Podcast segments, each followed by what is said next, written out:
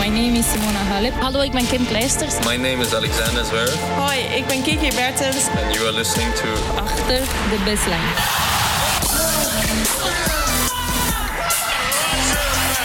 Your champion, Novak Djokovic. Dit is Achter de Baseline. Vanuit Flushing Meadows. Met Abe Kuil en David Avakian. David en ik hebben er inmiddels een paar uurtjes slaap op zitten. En ik weet niet hoe het met jou zit, David. Ik ben wakker geworden met eh, de gedachte... is er allemaal gebeurd wat er is gebeurd?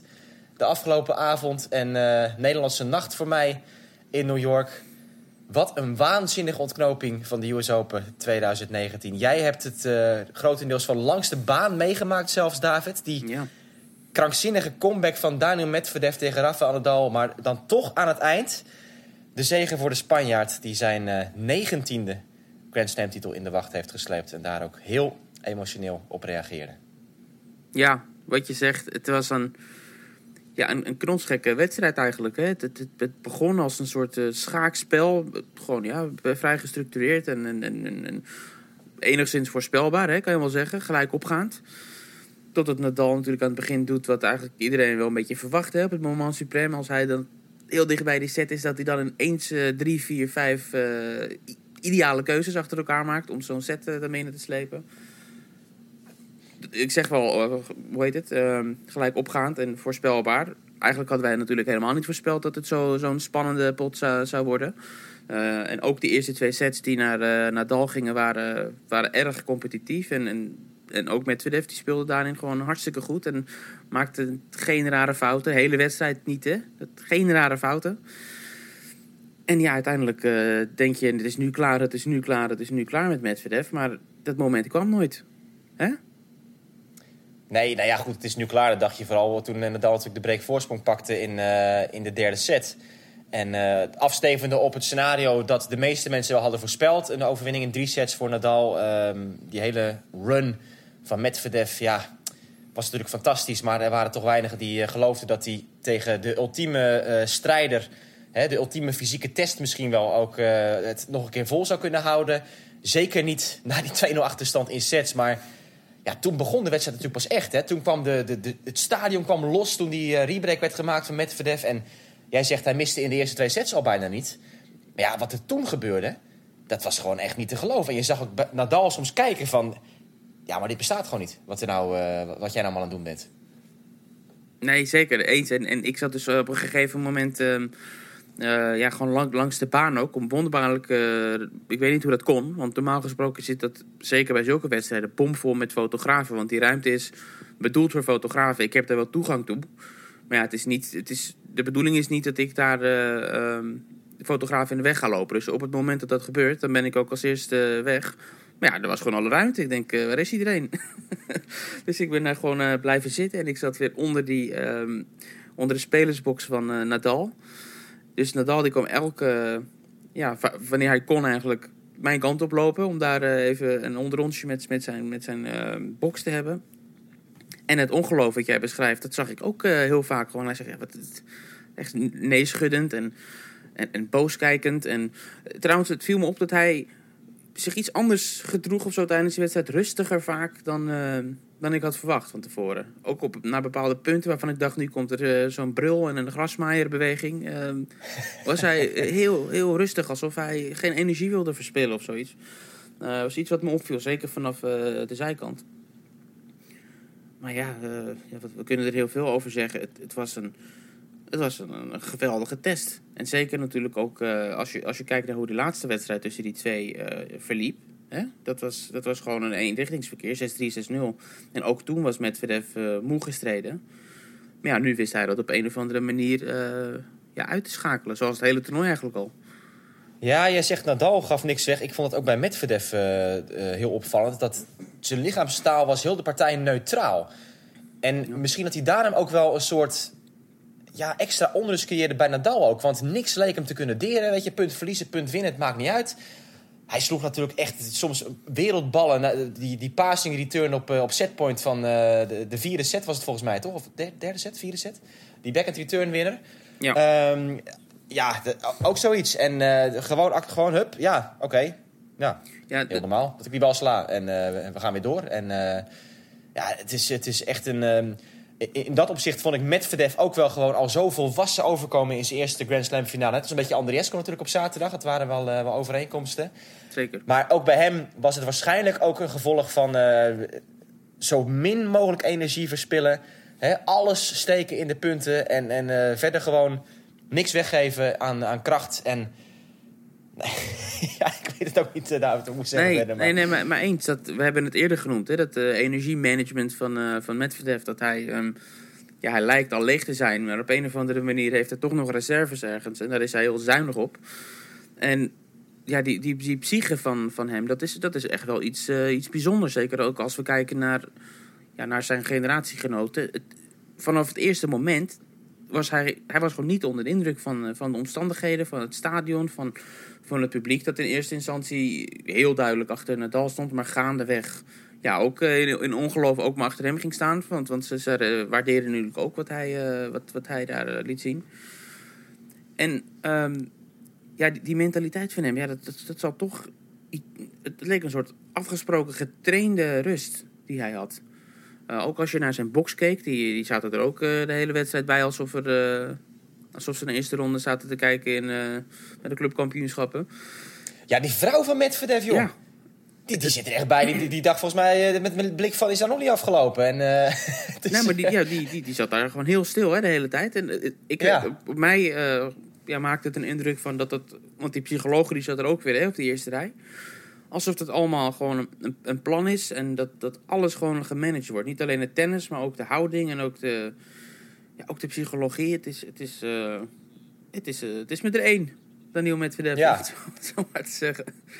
Maar da- daarin heb je dus ook weer een overeenkomst met, eh, met Andrescu. Want die is ook al op jonge leeftijd begonnen hè, met het visualiseren. En echt, echt ook mentaal ehm, aan zichzelf werken. En dat, dat ze op die jonge leeftijd het al hebben, dat is ook wel bijzonder van deze generatie. Medvedev is echt een hele slimme jongen. Ja, en, en is dus ook echt met, met, met het hoofd Ja. bezig hè, om, eh, om daar zichzelf te optimaliseren. Maar het is wel leuk om te zien dat ze dat eh, op, in dat opzicht al zo serieus zijn hè, vanaf eh, heel jong.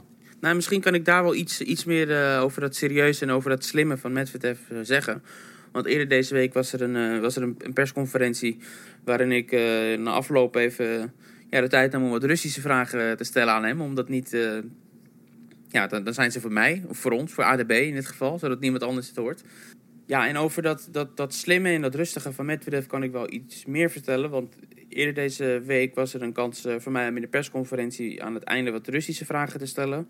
Ehm, en daarin vroeg ik hem ehm, naar iets wat ik had gelezen eerder, dat hij ja, gewoon gestudeerd had en, en, en in, in, in het Harvard van Rusland eh, was toegelaten en, en, en, voor buitenlandse betrekkingen en, en dergelijke. Een, een hele, hele, hele moeilijke studie waar, waar heel veel politici eh, in, in Rusland ook afgestudeerd zijn en ministers en dergelijke.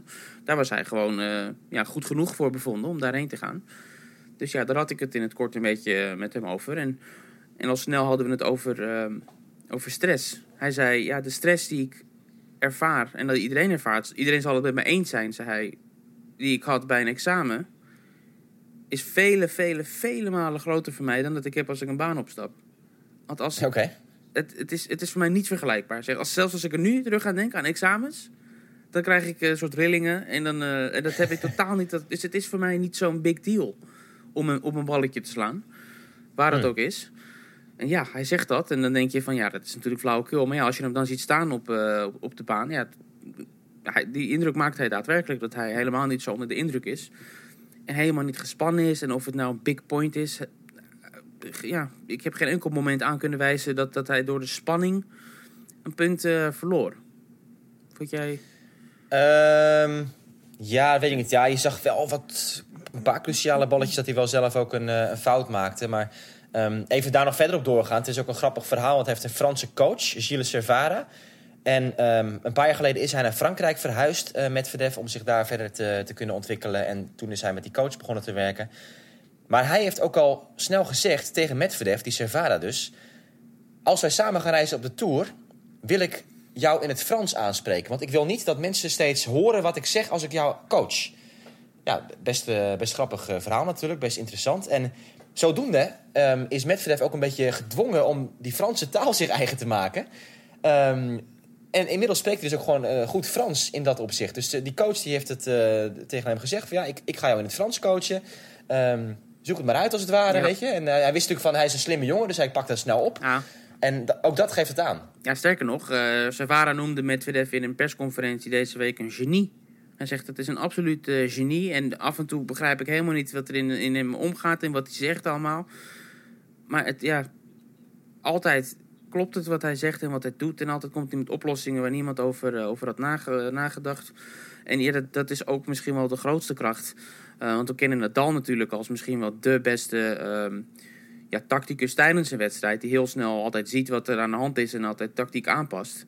Maar Medvedev, die, die is precies ook dat. Hij, hij, hij voelt wanneer hij, eh, wanneer hij extra gas moet geven, wanneer het verrassend is om dat te doen. Maar op andere momenten gaat hij gewoon eh, hè, die, die, die droge rally aan met die, met die ballen waar helemaal niks in zit. Gewoon die, die droge rallyballen door het midden vaak ook. Het, het, het is echt een Nou, schaarte. het is, het, precies, het, dat, dat is het. Dat is de term. En ehm, ja, de momenten... Kijk, je ziet hem ook geen ballen slaan waarvan je denkt van... Wat doe je nou? Bijna. Hè? Hij, hij slaat die ballen precies waar ze moeten komen... om weer die rally vol te houden, om terug te komen. De overnames van het tempo van Nadal waren echt perfect getimed steeds in de, in de laatste paar sets.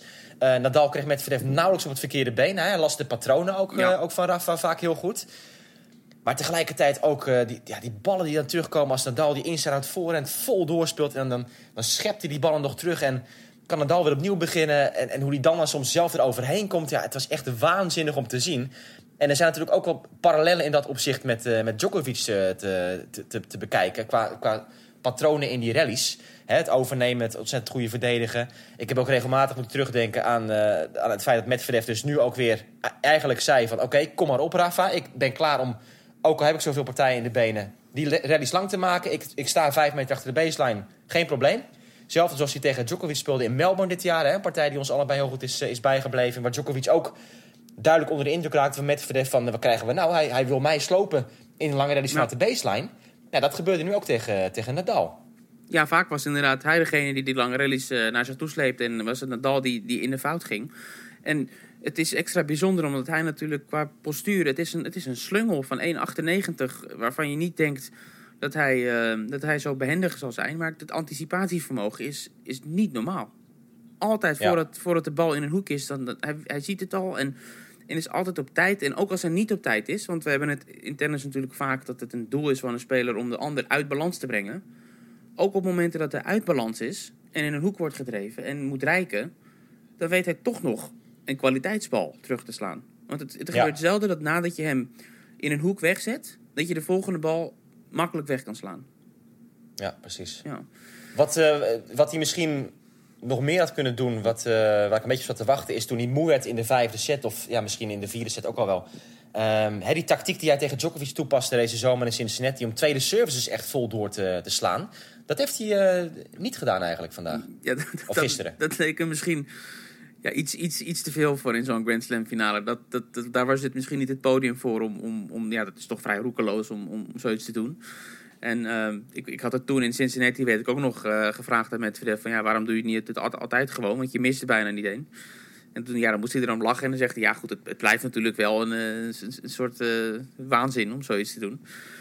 Ja. Ehm, ja, nee, het is. en ook het netspel, hè? Want vaak dat hij op de juiste momenten dan service volley speelt met veel succes. En, en ook in die rallies dat hij dan ineens aan het net verschijnt. Handjes zijn goed en hij sluit altijd heel goed aan, hè? Als hij zo'n weg, wegzet volley, echt op het net. Nou, ik, vond het, ik vond het een hele boeiende, boeiende wedstrijd, omdat het echt. Er werd continu nagedacht. Het was niet blind beuken. Elke bal die werd gespeeld, de hele wedstrijd, was met bedoeling. Klopt. Nou in de vijfde set was het eh, dan eh, ja, natuurlijk de vraag van houdt Medvedev het ook vol? En ik denk dat waarschijnlijk de US Open voor hem toch één set te lang heeft geduurd.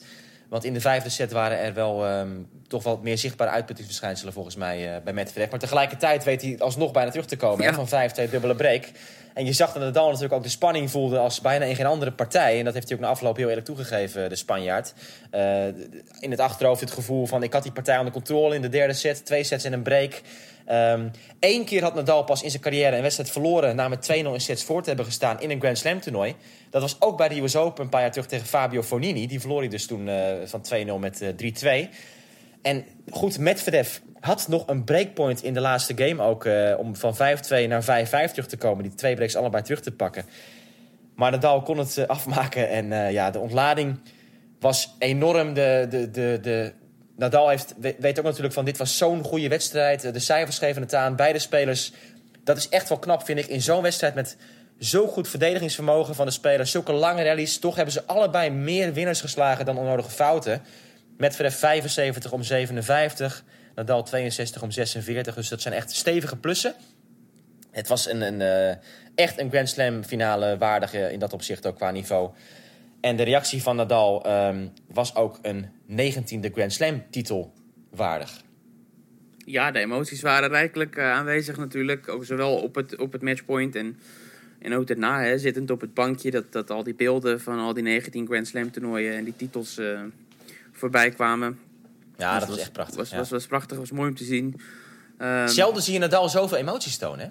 Ja, in zijn reacties. En hij zei, hij zei dat ook in zijn persconferentie trouwens. Hij probeert het altijd een beetje binnen te houden. En eh, nou ja, goed, hij heeft natuurlijk altijd die ontzettende reacties op de baan als hij punten wint en zo. Maar Ja. echt, echt de, de, de tranen laten lopen en zo, dat, eh, dat, dat was vrij uniek dat moment. Ja. En ehm, ja, goed, hij, hij vertelde ook Nadal van ja, dan zit je toch, je ziet al die beelden, dan denk je terug aan hoe lang je carrière al is en hoeveel mooie momenten je hebt meegemaakt en hoe bijzonder het is dat je hier nog steeds bent. Ehm, ja, dat, dat zag er heel mooi uit. Ook eh, het shot dat, dat je Nadal vanuit achter eh, werd gefilmd met, met die, eh, dat videoscherm erbij. Ja, het was heel mooi. Ehm, maar het leukste uit de prijsstrijking was natuurlijk dat, dat Medvedev toen zijn speech ging houden. En ehm, die, die begon met het verhaal van... ja, ik zag eh, Nadal daar zitten, ik zag die, eh, die videobeelden komen. eh 19 Grand Slam titels op rij. En ik dacht eigenlijk... Wat nou als ik had gewonnen? ja. Wat hadden ze dan laten zien?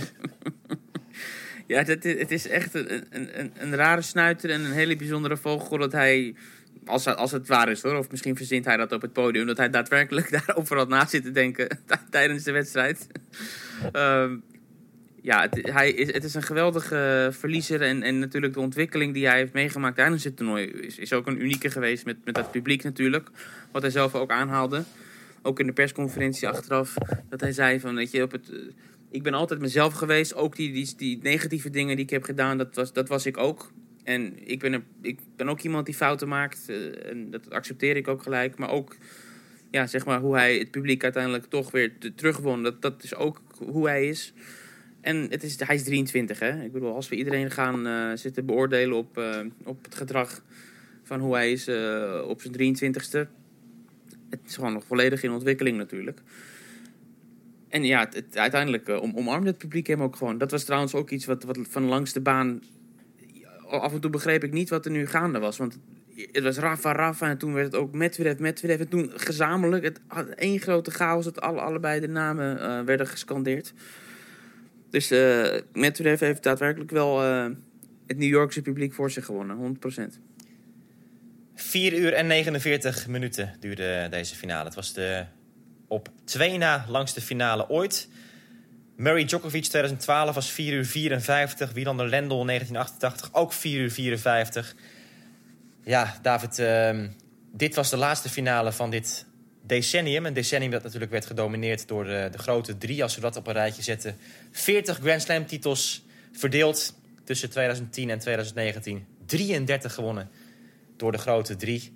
Ehm, bijzonder natuurlijk als we in de US Open echt duiken. Het afgelopen decennium. Eh, goed, Djokovic wordt natuurlijk eh, over het algemeen gezien als de hardcourt koning tegenwoordig. Maar Rafael Nadal heeft de meeste US Open titels gewonnen. Het afgelopen decennium vier stuks. Djokovic 3, Federer 0. Ehm, dat is natuurlijk eh, vrij, eh, vrij bijzonder. Eh, De US Open, het op één na meest succesvolle Grand Slam toernooi voor Nadal. Naast zijn 12 eh, titels op Roland Garros uiteraard. En Nadal is nu de eerste speler die vijf Grand Slam titels heeft gewonnen sinds hij 30 jaar is geworden. Ja. Ook dat is iets wat natuurlijk tien jaar geleden com- compleet ondenkbaar was. Ehm, als er iemand was van eh, Djokovic, Nadal en Federer Ja. waarvan je dacht, nou, die, eh, die zal snel zijn carrière beëindigen. Hè, dan, eh Maar dan goed, was het Rafa wel, maar... Dat is vier, dus vier keer Roland Garros en deze, hè? Zeg ik dat goed? Nee. Hij heeft ook US Open twee jaar terug gewonnen. Oké, was dus 31. twee, twee, twee keer Roland Garros, twee keer US Open. Oké, ja. Drie, drie keer Roland Garros, twee keer US Open. Oké, ja, ja. Oké. Ja, waanzinnig. Wat jij zegt, eh, het aantal keren dat, eh, dat, dat die spelers zijn afgeschreven. En eh, Nadal ook natuurlijk door zijn speelstijl. En de knieën zouden het moeten begeven. En hebben het ook vaak begeven natuurlijk. Maar toch weet hij elke keer weer, weer terug te komen. En, en, en, en de wil ergens te vinden om, om daar doorheen te gaan. Door het revalidatieproces. Ja, het is het waard.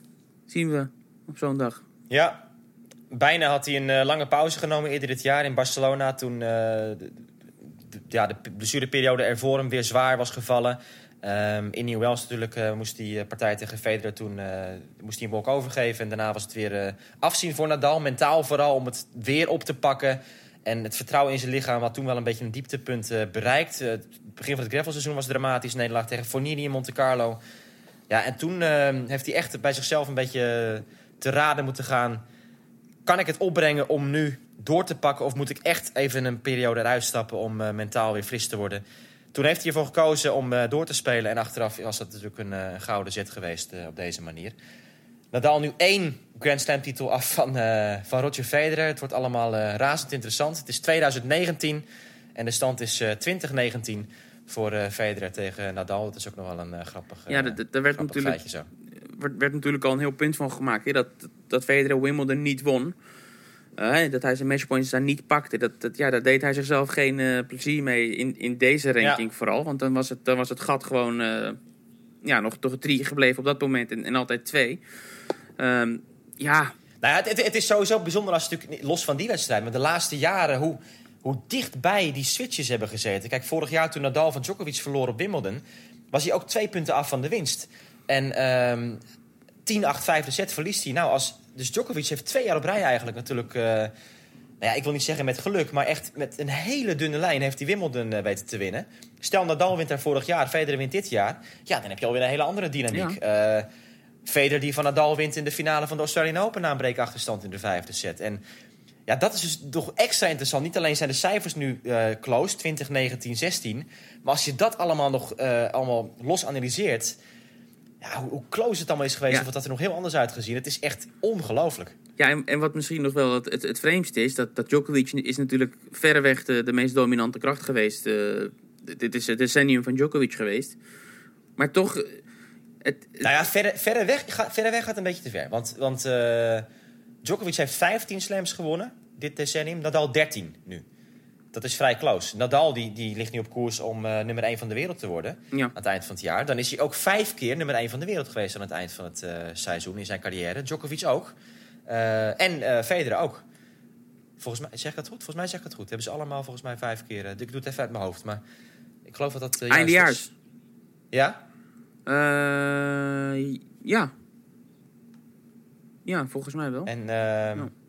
Dit, dit decennium is Nadal dan vier keer eh, nummer 1 geweest, meen ik. Murray natuurlijk ook een keer. En, eh en eh, Ja, Djokovic. maar goed, ik, ik bedoelde goed, met, ja, met, met, de Djoko- daarvan, met, ja. met de Djokovic-gedachte... dat, dat toch de, het gevoel was wel een beetje dat, dat hij die aansluiting wel snel zou vinden.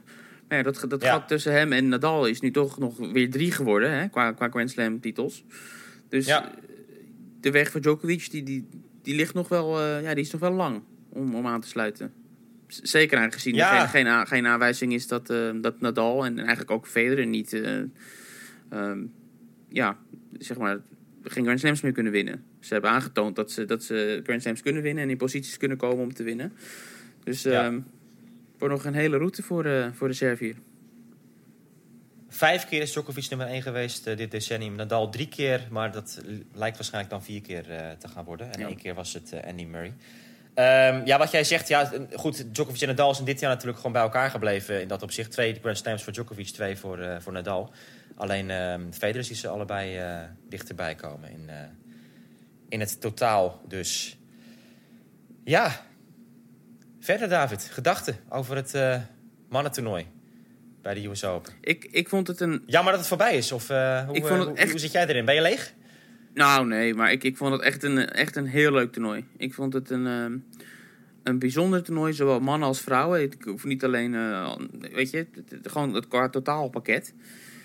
Ehm, met, met, met nieuwe gezichten en, en met eindelijk, nou ja, eindelijk, met, met twee gezichten in, in Medvedev en Andrescu, waarvan je toch ja, meer het gevoel hebt van dit zijn blijvers op een of andere manier. Want omdat ze gewoon tussen de oren zo stabiel zijn. En we hebben natuurlijk met andere spelers eh, gezien dat ze ook waanzinnig kunnen tennissen. Uh, Tsitsipas en Zverev en zo. Maar ja, we hebben al gezien hoe, hoe die grandioos door de mand kunnen vallen. eh, mentaal gezien. En, en echt van het toneel kunnen verdwijnen voor, lange tijd. En op een of andere manier heb ik dat gevoel bij deze twee niet. Deze zijn tussen de oren ehm, en heel goed. En het spel dat ze hebben is, is een spel dat niet staat of valt bij, bij, bij uithalen en hopen dat de bal ingaat. Het is een spel wat ze gewoon herhaaldelijk kunnen opbrengen. Hè, het is niet een, een, een hoog risicospel zoals Ostapenko die toen dat jaar, eh, weet je wel, de, de Roland Garros won.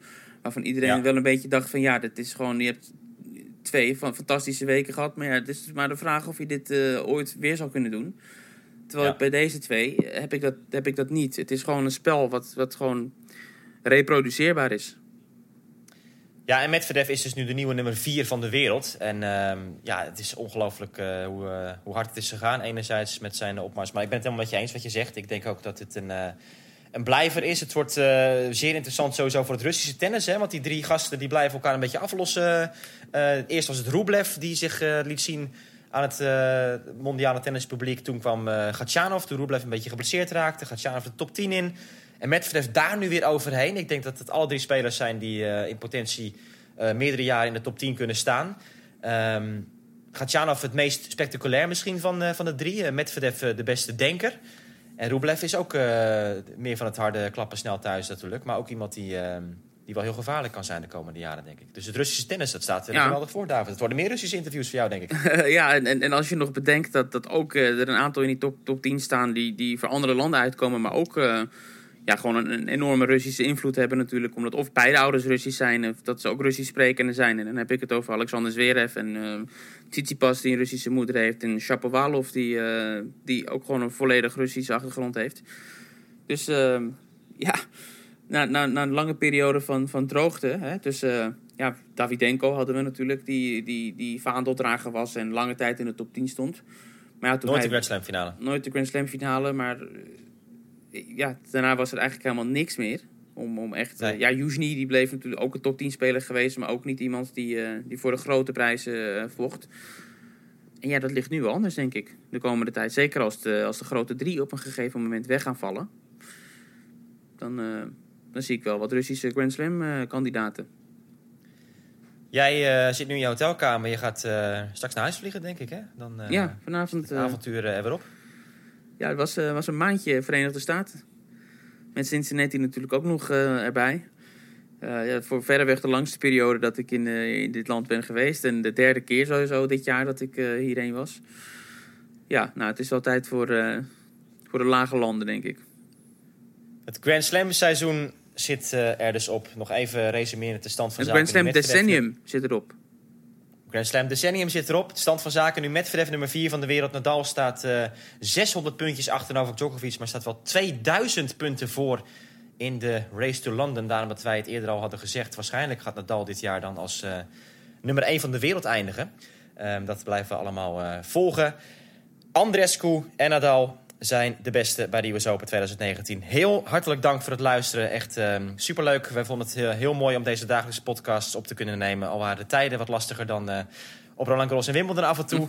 maar ehm, desalniettemin was het eh, een eh, leuk project. En wij hopen er volgend jaar weer bij te zijn. Het gaat even duren. Een maand of vier voordat het volgende Grand Slam toernooi gespeeld wordt. Uiteraard in 2020. Wie weet wat er voor die tijd nog allemaal gaat gebeuren met achter de baseline. Maar voor nu zeggen wij vaarwel. Namens eh, David ook graag tot snel weer. Hopelijk met achter de baseline.